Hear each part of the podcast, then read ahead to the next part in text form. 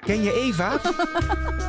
Eva is een vrouw die in het verleden niet de beste keuzes maakte als het op de mannen aankwam. Na de laatste teleurstellende relatie en het moeten opgeven van haar kinderwens besluit ze dat het helemaal anders moet. Een vaste relatie? Daar is ze klaar mee en dus is Eva aan het daten geslagen. Dit is het Dagboek van Eva, een podcast van Vrouw. Dinsdag. Jur doet net alsof er zaterdag niets is gebeurd. Er hangt een enorme spanning tussen ons in, maar waar ik zojuist nog wat toespelingen heb gemaakt, negeert hij dat volkomen. Het maakt me onzeker en daar baal ik van. Terwijl ik de oefeningen doe, loopt mijn hoofd over van gedachten. Zou ik een van de velen zijn? Moet ik het zien als een eenmalig gebeuren? Heb ik hem teleurgesteld? Mijn concentratie is slecht en ik word er kribbig van. We stoppen iets eerder dan normaal en hij loopt met me mee richting de kleedkamer. Vind je het goed dat ik je nummer in mijn telefoon zet? Deze vraag verrast me. Na zijn zelfverzekerdheid van zaterdag klinkt dit bijna verlegen. Best schattig eigenlijk. Mijn kribbige bui verdwijnt als sneeuw voor de zon, maar ik besluit niet direct al mijn kaarten op tafel te leggen. Ik neem aan dat je het hier in het systeem terug kunt vinden, reageer ik met een knipoog. En dan loop ik snel de kleedkamer in. Woensdag. Roy zit deze hele week in het buitenland, wat voor mij de mogelijkheid biedt Jur bij mij thuis uit te nodigen. We hebben dan wel afgesproken dat we elkaar vrijlaten en dat we allebei ook met anderen mogen afspreken, maar ik zou het behoorlijk ongemakkelijk vinden als ik hem samen met zo'n andere man tegen het lijf loop.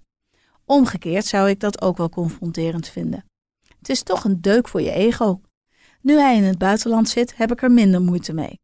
Wat hij daar doet, moet hij zelf weten. Ik hoef er niks over te horen.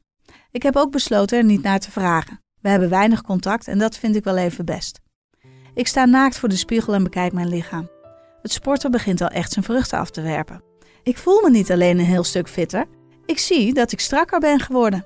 Mijn buik is nagenoeg plat en mijn bovenbenen zijn slank. Nou was ik nooit te zwaar, maar wat ik zie bevalt me wel. Ik trek een van mijn mooiste lingerie setjes uit de kast en draai nogmaals een paar rondjes voor de spiegel. Je mag dan wel een stuk jonger zijn en een goddelijk lichaam hebben, maar ik hoef me zeker niet onzeker naast hem te voelen. Als ik een soepelvallend dun jurkje aantrek, overvalt me ineens een paniekerig gevoel. Ik heb Jur natuurlijk nog nooit verteld over mijn single bestaan. Over dat ik geen man voor vast in mijn leven wil. Als we met elkaar praten, gaat het vooral over sport en seks. Ik heb gemakshalve geconcludeerd dat hij er net zo in staat als ik. Maar misschien is het toch verstandig dat vanavond even goed duidelijk te stellen. Ik wil niemand kwetsen en vooral niemand de hoop geven dat we over een paar jaar samen in een Phoenixwijk wonen en twee kinderen en een labrador hebben. Donderdag. Ik word met een katerig gevoel wakker, alleen. Ik vertelde Jur gisteren onomwonden hoe ik over relaties denk. Dat was aan zijn gezicht te merken niet helemaal zijn idee. Hij zei weliswaar dat hij het geen enkel probleem vond dat ik ons contact zo nu en dan en tot seks wilde beperken, maar zijn gezichtsuitdrukking sprak boekdelen. Je bent toch niet verliefd op me, hè? vroeg ik met een ondertoon van afkeuring in mijn stem. Hij lachte het weg. Ik word niet zo snel verliefd, maak jij je maar geen zorgen. Maar ik weet zeker dat als hij er echt zo nuchter in zou staan, ik nu wel met hem samen wakker was geworden. We hebben wel fijne seks gehad. Maar na afloop wist hij niet hoe snel hij zich weer uit de voeten moest maken. Ik ben benieuwd hoe hij de eerstvolgende keer op de sportschool tegen me doet. Ik heb vandaag een vrije dag en draai me nog even lekker om in bed. Ik heb geen fut om vandaag te gaan sporten. Dinsdag. Hier verbeeld ik me helemaal niets bij. Jur gedraagt zich anders. Afstandelijk. Een beetje arrogant zelfs. En dan kan ik twee dingen doen. Proberen het schild dat hij overduidelijk heeft opgetrokken van hem af te trekken, maar ik kan het ook negeren. Het is, wat mij betreft, een teken dat hij toch meer van mij verwacht had en die verwachtingen ga ik niet nakomen. Zeker niet met Jur. Hij is categorie leuk voor een paar keer in bed. Ik vertelde Helen over hem en sprak daarbij de woorden uit dat verandering van spijs doen eten. Dat vond ze hilarisch. Alsof jij verandering van spijs nodig hebt. Je eet genoeg. Het is inderdaad de laatste tijd een beetje too much. Dat vind ik zelf ook wel. Dat mijn single leven zo'n doorslaand succes zou worden, had ik ook niet voorzien. Ik had mezelf al een klein beetje afgeschreven, zo over de 40 en dus van middelbare leeftijd. Ongelooflijk hoe juist de mannen van in de 20 mijn aandacht geven. En ik geef het eerlijk toe. Ik ben daar best gevoelig voor. Red je het verder zo? haalt Jur me uit gedachten. Ja, ik kom er wel uit. Ik ga zo nog even op de home trainer zitten en dan duik ik de sauna in. Ik zie je volgende week. Ik zeg het bijna zakelijk en hou zijn gezicht nauwlettend in de gaten. Hoe reageert hij hierop? Precies op dat moment komt de volgende klant binnen. Ze is duidelijk ver onder de 30, heeft benen die oneindig lijken te zijn en ze heeft waanzinnig lang donker haar. Ik was goed op weg, maar vergeleken met deze vrouw voel ik me ineens een puddingbroodje. Ik zie je volgende week, Eve, zegt Jur, terwijl zijn ogen al lang op zijn volgende verovering gericht zijn. Shit zeg, hier baal ik toch wel van. Ik dacht net lekker de touwtjes in handen te hebben, maar op deze manier het veld moeten ruimen staat me niet aan. Jammer dat er nu niet een leuke man voorbij komt met wie ik kan flirten. Ik zie zo snel alleen de twee 65-plussers die samen wat staan te keuvelen in de hoek. Daar heb ik niks aan. Die home trainer kan me trouwens gestolen worden. Ik moet even bijkomen in de sauna. Bah, wat laat ik me kennen. Vrijdag. Ik heb het zeprondje nu al minstens tien keer helemaal voltooid en kom niets tegen waar ik ook maar een beetje goed gevoel bij krijg. Ik had gehoopt op een avondje met Roy, maar die liet eerder vandaag weten dat hij andere plannen heeft. Ik wil niet weten wat hij doet, maar de opties zijn allemaal wel door mijn hoofd gegaan.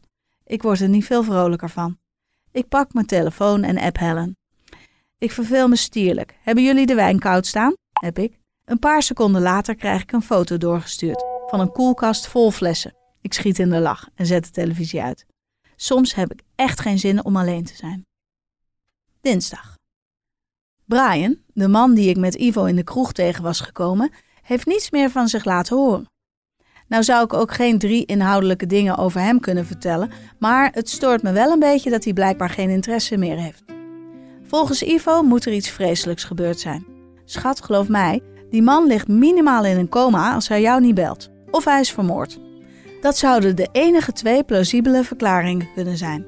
Ik moet zo vreselijk om die man lachen. Ik heb al een paar keer op het punt gestaan om op zoek te gaan naar een andere baan. Maar sinds Ivo er werkt, heb ik iedere dag de grootste lol. Ik heb ondertussen drie potentiële lijntjes op Tinder uitgegooid en heb hoge verwachtingen dat daar deze week nog iets uitkomt. Net als ik mijn telefoon erbij wil pakken om de stand van zaken te bekijken, gaat de bel. Ik verwacht niemand. Woensdag. Terwijl mijn telefoon volstroomde met berichten van Tindermannen en Ivo, lag ik in bed met Roy. En ik kan wel zeggen dat ik weer als vanouds in bed lag met Roy. De vonken spatten er vanaf. Wat heb ik genoten van die man. Hij weet precies wat hij moet doen om mij in hogere sferen te krijgen. Ik had hem absoluut niet meer verwacht. Hij toonde zo weinig interesse. En ook bij mij was het een beetje over. Maar toen stond hij daar dus. Met die blik waar ik blijkbaar niet tegen bestand ben. Als iemand mij een paar uur eerder had verteld dat ik zo snel zou bezwijken, zou ik diegene voor gek verklaard hebben. Ik vind mezelf net iets te leuk om me te laten gebruiken als een yo-yo. Maar tegelijkertijd weet ik ook wel dat ik natuurlijk precies hetzelfde met Roy doe. Ik bied hem ook geen enkele zekerheid voor de toekomst. Wat dat betreft lijken we wel op elkaar. Ik werd echt letterlijk week in mijn benen toen ik hem zag staan. Misschien had het er ook mee te maken dat het al een tijdje rustig was op het dategebied. Ik had instantly zin in hem en onze vrijpartij begon al op de gang. Het had wel iets dierlijks, afgezien van dat onhandige moment waarop ik bijna over een paar rondslingerende schoenen struikelde. We hebben geen ingewikkelde gesprekken gevoerd en daar was ik heel blij om. Ik had er ook helemaal geen zin in. Het ging om de seks, meer niet. En nu ga ik mijn aandacht toch maar even op Brian richten. Ik heb een dag hard to get gespeeld door niet direct te antwoorden, maar nu wordt het wel tijd voor een gesprekje. Ik weet dan wel niet meer zoveel over deze man, maar er staat me nog wel bij dat hij een waanzinnig leuk hoofd had en een lekker lijf. Donderdag. Ik ging zo lekker met sporten, maar de klat is er weer volledig ingekomen. Ik kan me er gewoon even niet toe zetten de laatste weken en ik heb ook niet veel zin om een jur tegen te komen. Ik heb dinsdagavond met Ivo gerend. Nou, dat kwam erop neer dat we een half uurtje gewandeld hebben en daarna op een terras zijn geploft en een fles wijn hebben besteld. Oké, en een portie bitterballen. Volgende week pak ik de draad weer op. Ivo en ik hebben zo'n goede klik en ik geniet er enorm van. Het is ook wel eens fijn een man om je heen te hebben die niet met je naar bed wil. Als ik mezelf dit zo zie opschrijven, kan ik me bijna niet voorstellen dat het uit mijn pen komt. Maar toch is het echt zo. Ivo is trouwens nog een stukje erger dan ik ben. Waar ik mijn ogen niet sluit voor mannen, heeft hij ze de hele dag wagenwijd openstaan. Ik durf niet naar aantallen te vragen, maar volgens mij heeft hij wekelijks wel een paar andere mannen in zijn bed liggen. Ik vind het maar een eng idee. En ik heb hem zelfs een keer moedelijk op zijn hart gedrukt dat hij het in ieder geval veilig moet doen. Vrijdag. Ik heb een date met Brian op het programma staan. De man die ik twee weken geleden ben tegengekomen tijdens het stappen. Ik had gepland fashionably late te zijn. Gewoon net even iets na het afgesproken tijdstip aan te komen, maar dat is mislukt. Ik ben wel vijf minuten later dan gepland, maar Brian is er nog niet, weet de gastheer van het restaurant waar we hebben afgesproken mij te vertellen. Het liefst was ik omgekeerd, maar de goede man voor me wees me naar de tafel. Wat als hij niet komt opdagen? Ik scan snel de andere gasten. Een paar van hen bekijken mij iets langer dan normaal nu ik zo alleen binnenkom. Oh, wat heb ik toch een hekel aan dit soort momenten. Het overkomt me wel vaker. Misschien een volgende keer gewoon een kwartier te laat komen. Terwijl ik wat ongemakkelijk bij het tafeltje in mijn tas sta te rommelen, voel ik twee stevige handen om mijn middel. Ik draai me om en kijk in twee donkere ogen. Brian.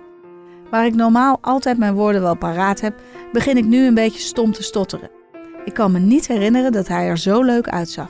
En hij ruikt ook geweldig. Als ik plaats wil nemen op de stoel, ga ik er bijna naast zitten. Wat een klungelig begin van deze date. Als ik even later door mijn zenuwen ook nog een glas wijn omgooi, weet ik het zeker. Dit kan wel eens een hele spannende avond gaan worden. Ik ben niet zomaar zo nerveus. Wil je de volgende aflevering van het dagboek van Eva niet missen? Abonneer je dan in je favoriete podcast-app.